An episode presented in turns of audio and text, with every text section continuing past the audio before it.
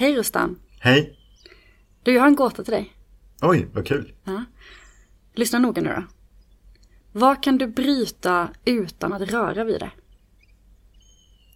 Tystnaden. Ja, det kanske också... Okej, mitt svar på gåtan var en dålig vana.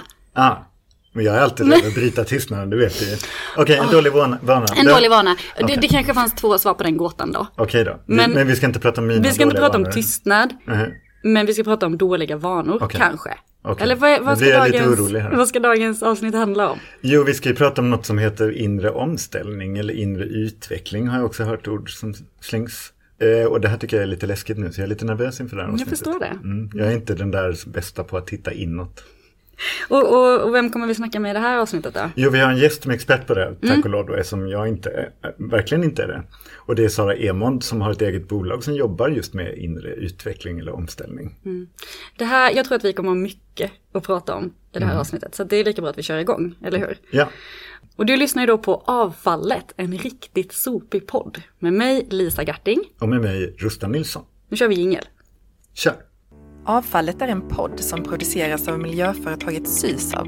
En lite smånördig miljöpodd för dig som gillar sopor. Eller ja, hur sopor hänger ihop med konsumtion, miljö och klimat och så. Avfallet, en riktigt sopig podd helt enkelt. Okej Rustan.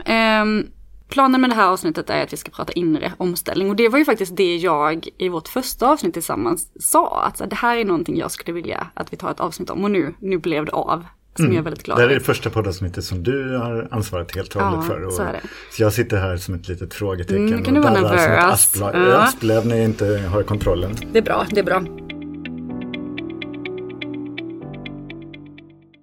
Nej men det är ju något, jag har väldigt, jag tror att jag väldigt länge har haft en känsla, liksom när det kommer till hållbarhetsarbetet och sådär, att, det- att det är någonting som har fattats lite i allt, allt liksom fokus kring så tekniska lösningar, fokus på, på policies, på infrastruktur, lagstiftning och sådär. Eh, som ju absolut behövs. Liksom, alla de delarna är jätteviktiga. Men jag har känt att det är någonting i det här som fattas. Och det jag upplever att det på senaste tiden har börjat bubbla ganska mycket kring de här begreppen som du då slänger med, dig med här i början, med inre omställning och, och liksom inre utveckling. Eh, ganska mycket som en följd av Christine Wamsles eh, forskning som har, har forskat jättemycket på detta med inre omställning. Och hur det liksom kan vara ett, ett komplement eller någonting vi också behöver jobba med vid sidan om yttre omställning. Så, eh, så det har börjat pratas mycket om detta, det togs ju till och med med i senaste IPCC-rapporten. Mm, FNs Att- klimatpanelsrapport som Precis, kom. Mm. tack för förtydligandet. Och för, för att visa att så här, vi behöver båda delarna. Och sen kom ju också en, en artikel, det blev en artikelserie i Svenska Dagbladet om detta. Och specifikt den artikel som jag ju skickade till dig, eller hur? Den här som heter eh, Vi har missat att lyfta de mänskliga egenskaperna. Jag skickade den till dig och bad dig liksom läs den här och, och kom med lite tankar och sammanfatta. Kan, kan du inte liksom berätta lite för lyssnarna vad den handlade om? Jo, det, jag läste den eh, och det gör jag inte alltid när folk skickar mig artiklar för det, det orkar jag inte alltid. Vilken tur att jag Den här dig. läste jag faktiskt på och jag blev intresserad och, och googlade runt lite eh, kring detta för att jag kände inte till begreppet så väl. Och det refereras till Christine Wamsley som du sa, som jag läste också lite om. Och det var ju väldigt spännande. Och man kan väl säga att hon, det som man vill få fram budskapet, huvudbudskapet i den här artikeln handlar ju ändå att vi klarar inte av att uppnå de här målen ifall vi inte också eh, har en inre omställning. Det är en övningsfråga till stor del också vad jag kom fram till när jag Mm. kollade runt lite grann. Att vi måste träna oss att bli hållbara. Och att det börjar med att faktiskt också då bli mer självmedvetna och till blicka inåt och lära känna oss själva. Men också förstå vår koppling till världen, att vi är en del av världen. Genom att bli medvetna, stanna upp och förstå det på allvar så gör, gör det också oss till mer empatiska, omhändertagande personer som är bättre rustade för att leva ett mer hållbart liv. Där det faktiskt inte räcker till med, vad du sa, de tekniska lösningarna men också de politiska lösningarna. Så att det handlar till om att lära känna sig själv, förstå sig själv och därav också bli lite kanske mer empatisk och ödmjuk. Det var väl lite vad jag uppfattade att artikeln handlade om. Det tycker jag var en jättebra sammanfattning av så som jag också har förstått det. Och jag tycker det, det du ändå nämnde med att, att träna sig i det är väldigt, väldigt relevant i detta. Alltså det, att någonstans så är det inte så att ja, men du är så ödmjuk som du är. Utan alla de här, eller du har så mycket empati som du har, som du föddes med. Utan så alla de här förmågorna kan vi ju träna upp. Liksom. Ja, Eh, och, och det där jag tycker det i- blir lite läskigt därför att jag... Men du jag vill inte träna, har du en sån mm. inte förändringsbenägenhet? För det stöter man ju på ganska ofta kopplat till liksom, hållbarhet och klimat och så att inte... Ja, precis. Och det är Mm. ju det att jag, jag känner väl att det finns det här, vi varit inne på det med den, den kognitiva dissonansen Mm. som jag har använt förnekelse utav som ganska starkt och Mm. Som väldigt många andra. verktyg för mig att kunna leva på mitt liv och ändå skylla på att ja, men jag har ändå ett viktigt jobb och så Mm. vidare så att jag kanske inte behöver ta så mycket ansvar i mitt dagliga liv för att jag gör det på arbetstid. Mm. Och jag kommer väl säkert behöva tvingas erkänna att jag har mycket att jobba med själv också. Ja men och det har vi väl, vi väl alla. För jag, jag upplever att så det, det, det är lite som att många tror att vi ska kunna skapa en hållbar värld eh, liksom, utan att förändra oss själva. Så. Men det, det tror inte jag. Någonstans börjar, det är vi som har skapat den här ohållbara världen. Det är också vi som behöver någonstans förändra tillbaka. Då ska man våga, ska vi ha ledare som vågar ta modiga eller så här, beslut eller göra någonting helt omvälvande. Ja då är det vissa färdigheter som behöver tränas upp liksom.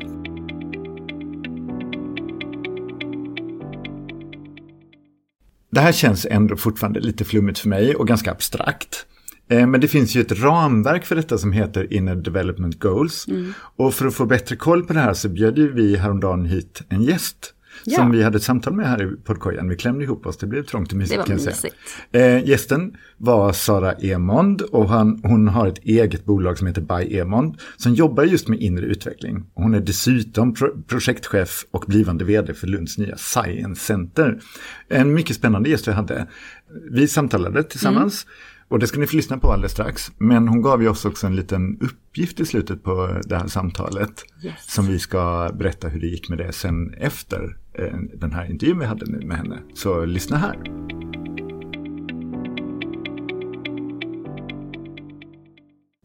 Hej Sara och jättevälkommen till en riktigt sopig podd. Kan inte du be- berätta lite vem du är? Hur, hur kommer det sig att du, du är här? Hej Lisa och Gusten, tack för att jag får vara här. Ehm, jag brinner för inre utveckling och eh, framförallt kopplat till hållbarhet och har eh, jobbat med ramverket eh, The Inner Development Goals, de inre utvecklingsmålen de senaste åren och tycker att det är superspännande. Så att det vill jag prata mer om idag. Mm. Och är det det enda du jobbar med? Till vardags jobbar jag även med att etablera och ska senare leda ett nytt Science Center i Lund på ett eh, helt nytt område, en ny stadsdel som kommer att heta Science Village. Vad spännande. Och vad kommer ni göra där? Där kommer vi att facilitera det livslånga lärandet. Så vi kommer bjuda in allmänheten, skolbarn och människor i, i hela livet som får lära sig om allt det spännande som händer i kunskapsekosystemet kring de globala utmaningar vi har, men också områdena vi jobbar med. Allt från framtidens mat till eh, life science, nya material och så vidare. Oh, det vill vi ju följa i framtiden vad som händer där. Men, men hur, hur kommer det sig från början att du är inne på det här med inre omställning? Jo men det är, ja, min resa med inre utveckling började som för många andra genom att jag eh, jobbade för hårt, eh, slet ut mig och eh, kroppen eh, orkade inte. Och jag tvingades då att eh, se över hur jag lever och liksom hur jag tar hand om mig själv och insåg att jag behöver ta ett helt annat ansvar. Och det har jag jobbat med i ungefär tio år nu och i detta så öppnades det en fantastisk värld av liksom livet. För efterhand som jag har kommit mer och mer i kontakt med mig själv då blir ju livet ännu mer spännande och ännu mer berikande. Jag får bara hoppa in här lite, för nu har vi liksom öppnat den här dörren som du sa till det vi ska prata om, för att uttrycka Ja. det så. Eh, vi har många som lyssnar och jag är en av de här som sitter här och lyssnar på dig nu som kanske inte riktigt känner mig helt hemma. Vad är the inner development goals? Kan du knyta in en förklaring om vad det är i det du nu berättar om hur du hittade hit? Absolut, för att detta inre utvecklingsmålen handlar om eh, hållbarhet från ett inre perspektiv, från det mänskliga perspektivet. För saken är den att vi har FNs hållbarhetsmål som vi jobbar med, men vi lyckas ju inte göra de stora förändringarna som vi behöver. Det går för långsamt och liksom, det händer inte. Och då har kloka människor tittat på detta och insett att ja, men, problemet är ju vi själva. Och det är ju vårt sätt att lösa problem som har skapat problemen från första början. Så alltså är det vi som behöver förändras. Så då har man skapat ett komplement till hållbarhetsmålen som är de inre utvecklingsmålen.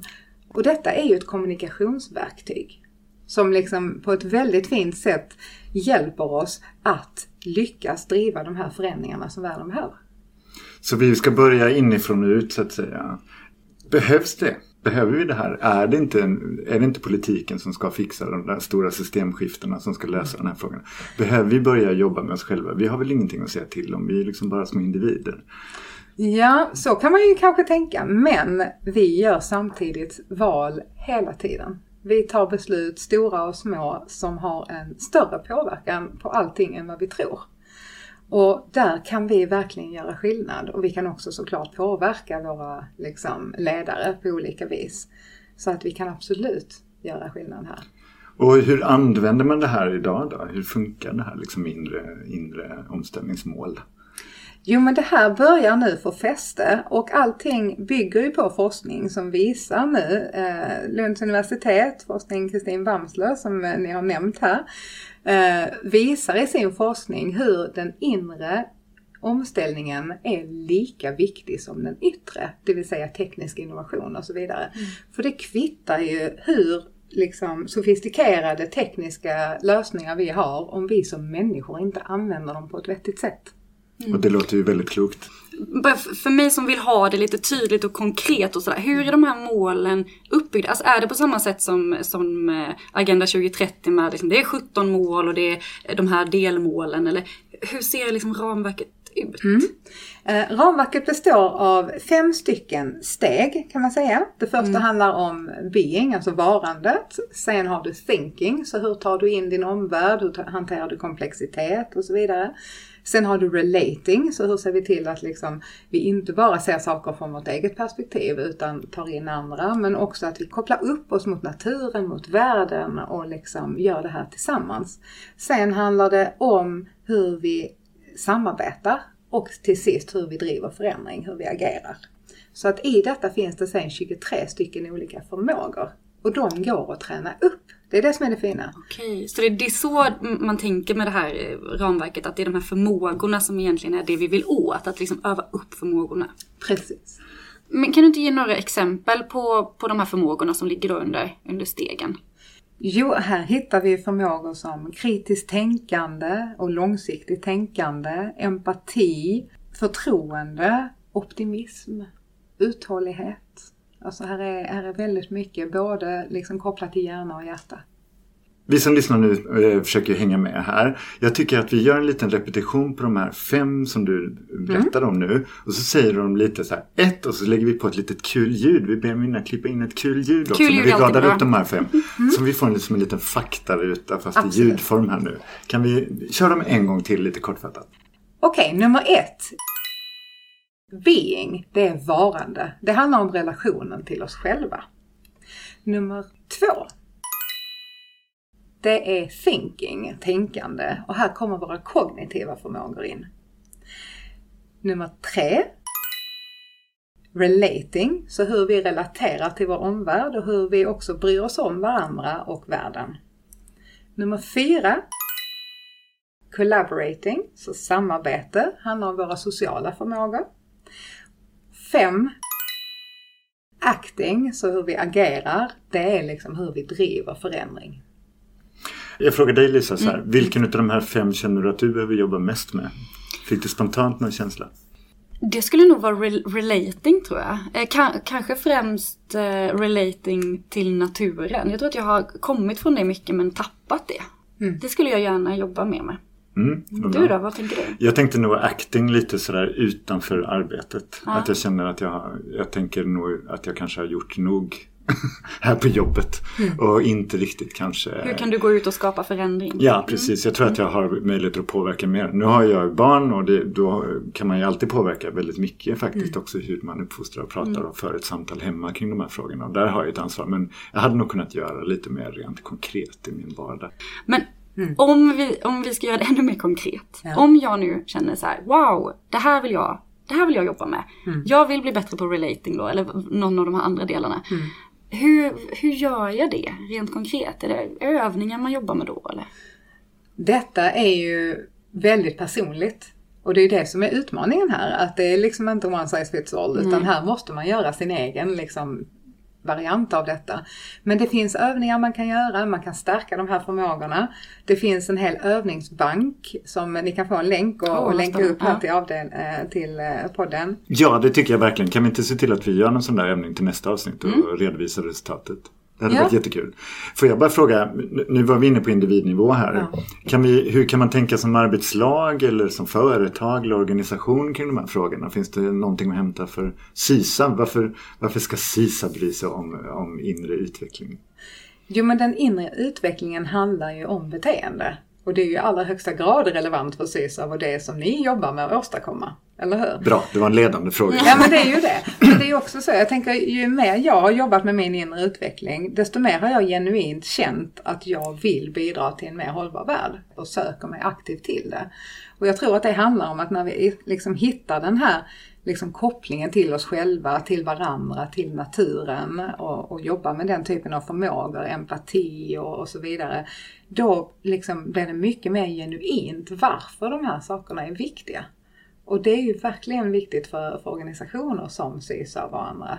Och för man tänker på det ur personalsynpunkt, ifall vi hade jobbat så här, eller alla, all vår personal hade, hade jobbat med de här för sig själv.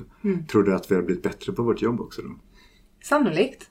Verkligen. För att kombinationen, som sagt, av det inre och det yttre, det är där vi har nyckeln. Varje individ kommer med sina förmågor, sina talanger. Och kan vi liksom hitta vad alla kan bidra med och få ihop det på ett ännu starkare sätt än vad vi gör idag, då kan vi göra ännu större skillnad. Men har du, har du något, eh, har du någon rolig övning du kan tipsa om eller? Förutom den här länken, eh, kan du, kan du berätta om någon övning vi kan testa som du gillar? Ja men absolut. Eh, En enkel övning som är väldigt relevant det är ju att jobba med sin egen närvaro. Och det är ju att eh, ni kan börja med att bara reflektera. När, när känner ni er riktigt närvarande? Alltså riktigt levande. Och det kan vara väldigt olika. Någon känner när de är ute och springer eller när man mediterar eller när man leker med barnen eller när man lagar mat eller kanske något helt annat. Ja. Så hur kan vi se till att den närvaron liksom får ta ännu mer plats i vårt liv? För att om vi börjar bara notera detta, då kan vi också börja notera när tappar vi det? Och hur kan jag hitta tillbaks dit? Och det här låter lite som mindfulness, eller det är det vi snackar om nu? Jag skulle säga att det är absolut kopplat till mindfulness och det är en väg dit. Definitivt. Men, men och verkligen att aktivt reflektera. Och att inte döma i det. Utan verkligen bara acceptans konstatera, okej, där är jag nu. Nej, just nu är jag inte i mig överhuvudtaget. Nu är jag ute och cyklar och tänker på något helt annat och liksom så. Men då är det tillbaka. Men då kan vi ta med det kanske härifrån du och jag Rustan. Som ett litet uppdrag att vi faktiskt båda två ska reflektera mer över när känner vi oss närvarande, när känner vi oss här och nu och grundade. Ja. Och Och så kan vi återkoppla till det sen. Ja. Och ifall jag nu får vara lite djävulens advokat här och säga så här, eh, men tänk ifall vi tittar inåt och känner efter och så är det bara mörker och ångest och svårigheter vi känner. Och att vi faktiskt liksom håller det här stången genom att vandra på i vardagen. Hur ska man tänka kring det? För man faktiskt tycker det verkar lite läskigt det här med att, att känna efter och titta inåt. Men det är precis så det är och det är därför det är så viktigt att vi både på samhällsnivå och liksom i, i mindre grupper skapar trygga sammanhang där vi pratar om de här frågorna och där vi hjälps åt. För vi alla är bara människor. Så jag har själv engagerat mig i att starta en Inner Development Goals Hub i Lund. Där vi bjuder in alla som är välkomna eh, till att bara komma och utforska det här med oss och prata om det här och testa övningar och liksom så. Och det är ett exempel. Om man kan göra det hemma, man kan göra det med vänner, man kan göra liksom, men att vi, jag tror vi ska prata om detta så mycket mer. Och liksom när jag börjar prata om detta så det är många av mina vänner och bekanta som nu också har börjat jobba med sig själva på ett nytt sätt. Liksom. Och jag tror att det är mycket för att jag har varit också väldigt öppen med det. Men jag uppskattar det för att jag är glad att du nämnde att du själv hade gått in i väggen eller att du blivit utbränd och arbetat för mycket. Och det är ju någonting som jag också har varit öppen med i den här podden och, och nämnt att jag har också gjort den resan. Men ifall vi nu ska, sista frågan här som kanske är den tuffa. Finns det någon forskning som visar att det här funkar? Blir, blir vi mer hållbara när vi blir mer självmedvetna eller tittar inåt och känner efter? Och liksom, finns det evidens att det här är en, en väg framåt för ett mer hållbart samhälle? Det är ju precis det som professor Kristin Bamsler visar i sin forskning, att den inre omställningen med de här förmågorna, att det i kombination med den yttre, det är det som är nyckeln och att de här är lika viktiga. Och det ser vi även i, i FNs klimatrapport här nu, eh, liksom där citerar man ju hennes arbete. Men jag kan bara tala för mig själv och liksom intyga att med min upplevelse av att har jobbat med mig själv på en ganska djup nivå de senaste tio åren så har jag definitivt stärkt väldigt många av de förmågorna som vi pratar om här. Och jag ser det som ett, ett livslångt projekt. Liksom. Det är ju bara ett, ett sätt att vara nu och, och liksom fortsätta på den resan. Så du skulle säga att du kan se en direkt koppling mellan den här inre resan som du har gjort med äh, din, ska vi, vad ska vi dra till med, ja, dina koldioxidekvivalenta utsläpp? Ja men det skulle jag göra. Mm. Absolut. Jag har blivit mycket mer medveten och det har kommit när jag började liksom komma i kontakt med mig själv och fick bort bruset. Då kände jag genuint att jag ville jobba. För innan dess jobbade inte jag med hållbarhet utan jag jobbade med liksom projektledning och förändringsledning. Och när jag liksom upplevde då att, men vänta här nu, det finns ju så mycket som jag känner att jag skulle vilja bidra med. Och jag har ju faktiskt lärt mig alla de här verktygen, så vad kan jag då göra? Det var ju då jag sökte mig till FN och nu även vidare till det här Science Centret där vi kommer att prata om detta och skapa ett sammanhang för hundratusentals människor att vara med och inspireras och, och liksom så. Mm. Så att absolut. Eh, jag tycker allt hänger ihop. Tack! Ja, det är ju väldigt inspirerande att prata med dig. Det hörs ju eh, att, att du är engagerad i detta. Och det är jättefint att få ta del av, av din resa och din kunskap om detta. Eh, med det så tackar vi väl Sara för sin medverkan här. Ja, tack, tack för att du kom hit och trängde ihop till den här lilla ja. poddkojan. Det var mysigt. Väldigt mysig koja ni har. Tusen tack för att jag fick komma. Tack. tack.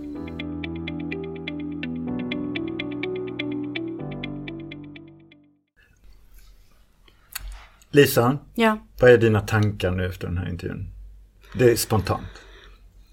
Nej, men jag, jag tycker det blir väldigt tydligt när vi pratar med, med Sara, när vi får lite bättre koll på de här ramverket och de här förmågorna och så att, att det här också är väldigt relevant för det vi håller på med, det, liksom du och jag och våra kollegor här. För att det kan ju vid första anblick så kan det kännas ganska eh, så långt borta, man säger avfallsbolag och inre utveckling. Ja, verkligen. Så hallå, varför pratar de om detta i den här podden? Connectionen kanske inte är så tydlig, och jag, men jag tycker när jag pratar med Sara att den kändes väldigt tydlig. Att så här, eller jag upplever att vi i vår roll som miljöpedagoger, vi möter väldigt mycket människor. Eh, vi stöter på ganska mycket så här, motstånd mot att förändra sig själv, starka känslor av att äh, det spelar väl ingen roll vad jag gör då, jag är ju så liten och så vidare. Och att det är väldigt tydligt för oss i vår i vårt jobb hur svårt det är med beteendeförändringar. Ja. Eh, och jag tänker väldigt mycket att det är just det här det, det här handlar om. Alltså, här, vi behöver jobba med oss själva, vi behöver, behöver jobba med våra tankesätt, våra värderingar, hur vi ser på oss själva kopplat till annat. För att vi ska också kunna också börja handla då utifrån, vad vet det var precis det Sara beskrev, liksom, att, hon, att det hade hänt i henne.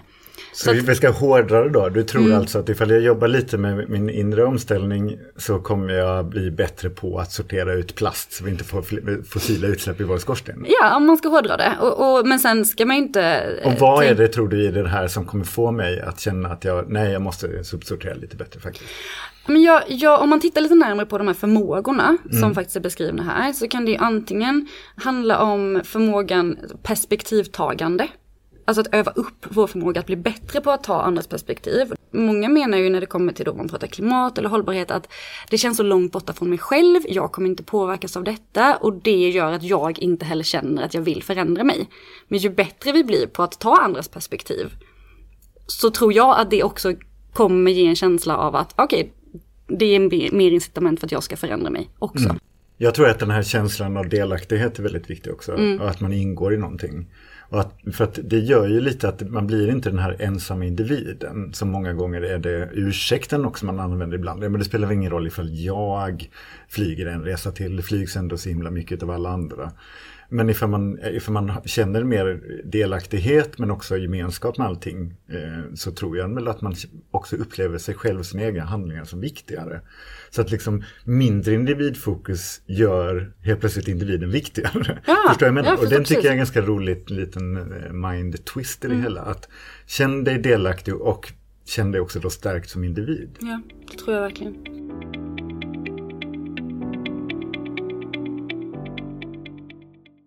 Och den här intervjun med Sara den spelades ju faktiskt in häromdagen och hon skickade ju med oss ett litet uppdrag. Kommer du Just ihåg det. det? Den här närvaroövningen. Just det. Eh, som vi tog på oss att eh, men vi skulle bli lite bättre på att känna efter. När är vi egentligen riktigt närvarande här och nu? Ja, har, du gjort det? Ja, jag har, har gått och känt efter. Har du? Ja, jag har faktiskt också gjort det. Ja.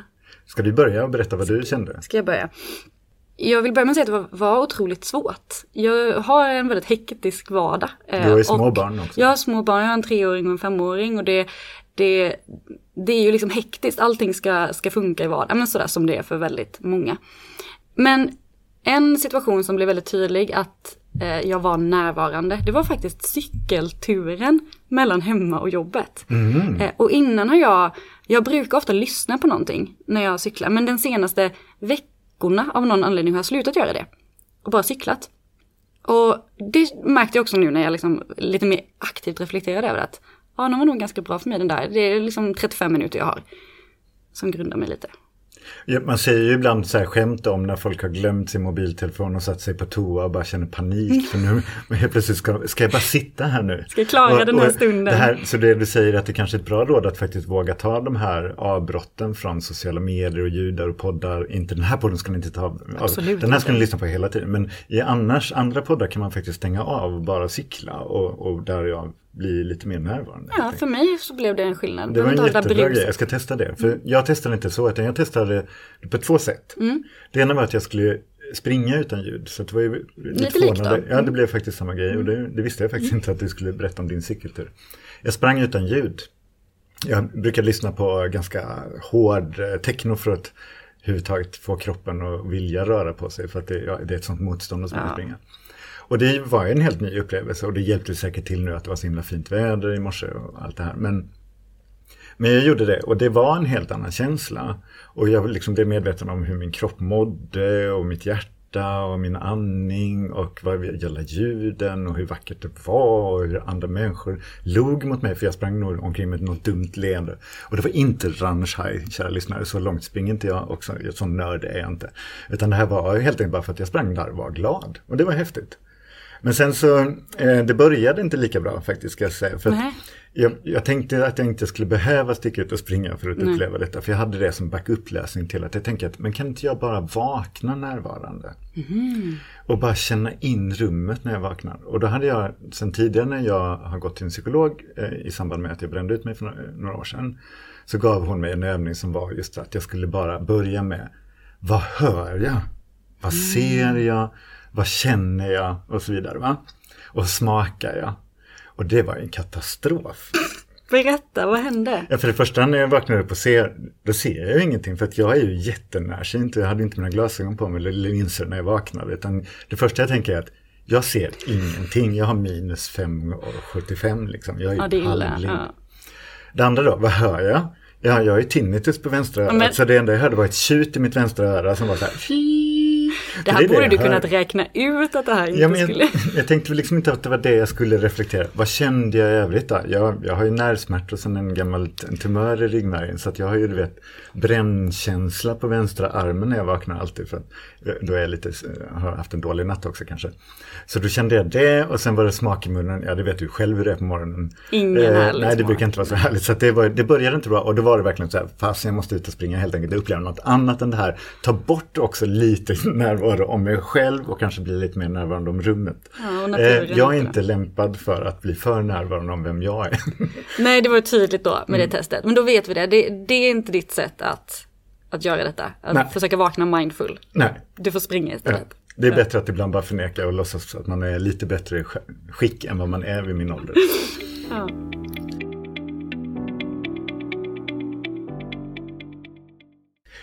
Men du, Ja. jag tänkte att vi skulle testa ett eh, litet nytt segment här nu. För nu känner jag att eh, vi har pratat mycket om det här med in, inre eh, omställning. Eh, men vi har ju faktiskt också en kollega som heter Minna. Yes. Hon har ju varit med tidigare på den för länge sedan när hon var när hon var praktikant här på Sysav. Ja. Hon, hon pluggade till miljövetare och hon gjorde sin praktik i samband med sin utbildning. Och vi fastnade för Minna så hon fick vara med i podden med ett segment som heter Praktikanten frågar. Mm. Där hon kunde ställa frågor som hon hade nu när hon höll på och lärde sig om vår bransch. Men på tal om då det här med omställning. Hon är ju, nu har slutat plugga och hon vill ju ha ett jobb. Och hon har ju faktiskt fått ett jobb som vikarie här Mm. och är den som klipper den här podden numera också. Eh, och alla vikarier de vill ju gärna kanske få en fast anställning. Såklart. Eh, så eh, då tänkte jag att vi skulle ge henne chansen att visa framfötterna. Så vi tänkte, kan vi inte köra ett segment som heter Vikarien visar framfötterna? Ja, det är jätteroligt. Vi kör en jingel på den, vi Ja. hittar på någonting nytt till den. Fötter. Mm, fötter. Vikarien visar sina framfötter.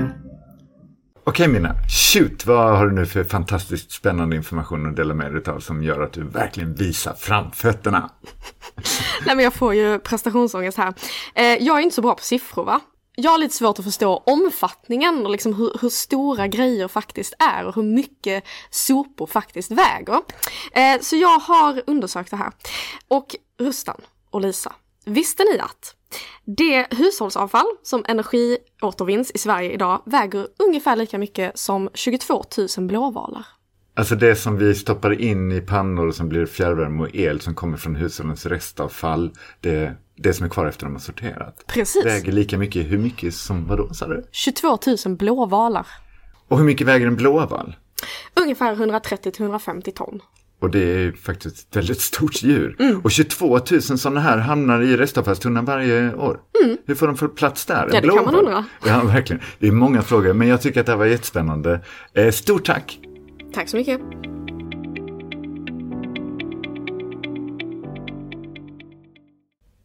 Ja, men det är dags att runda av det här tycker jag. Mm, men visst var det ett kul eh, ämne att prata om? Ja, och jag vill bara tipsa ni som lyssnar att det här med Inner Development Goals, det är en open source. Eh, så in och spana runt lite ifall ni tyckte det här var spännande och lär er mer. Eh, ja, vad ska vi sluta med tycker du? Men vi, vi drar väl in hållbarhetstipset, eller hur? Det vill vi alltid avsluta med. Ja, det gör vi. Vi kör Marias hållbarhetstips. Hej då allihopa, tack för att ni lyssnade. Hej då! Tog sig alla frön i din förodling och du nu har plantor som du inte riktigt vet vad du ska göra av? Eller har du en massa sticklingar över från dina krukväxter men skulle egentligen hellre vilja ha nya krukväxter? Ordna ett växtbyte? Kanske över en fika eller en AV? Bjud in lite kompisar och så kan de ta med sig växter om de har och så byter ni med varandra eller bara ger bort. En klassisk win-win. Fler tips hittar du på Sysavs Instagram.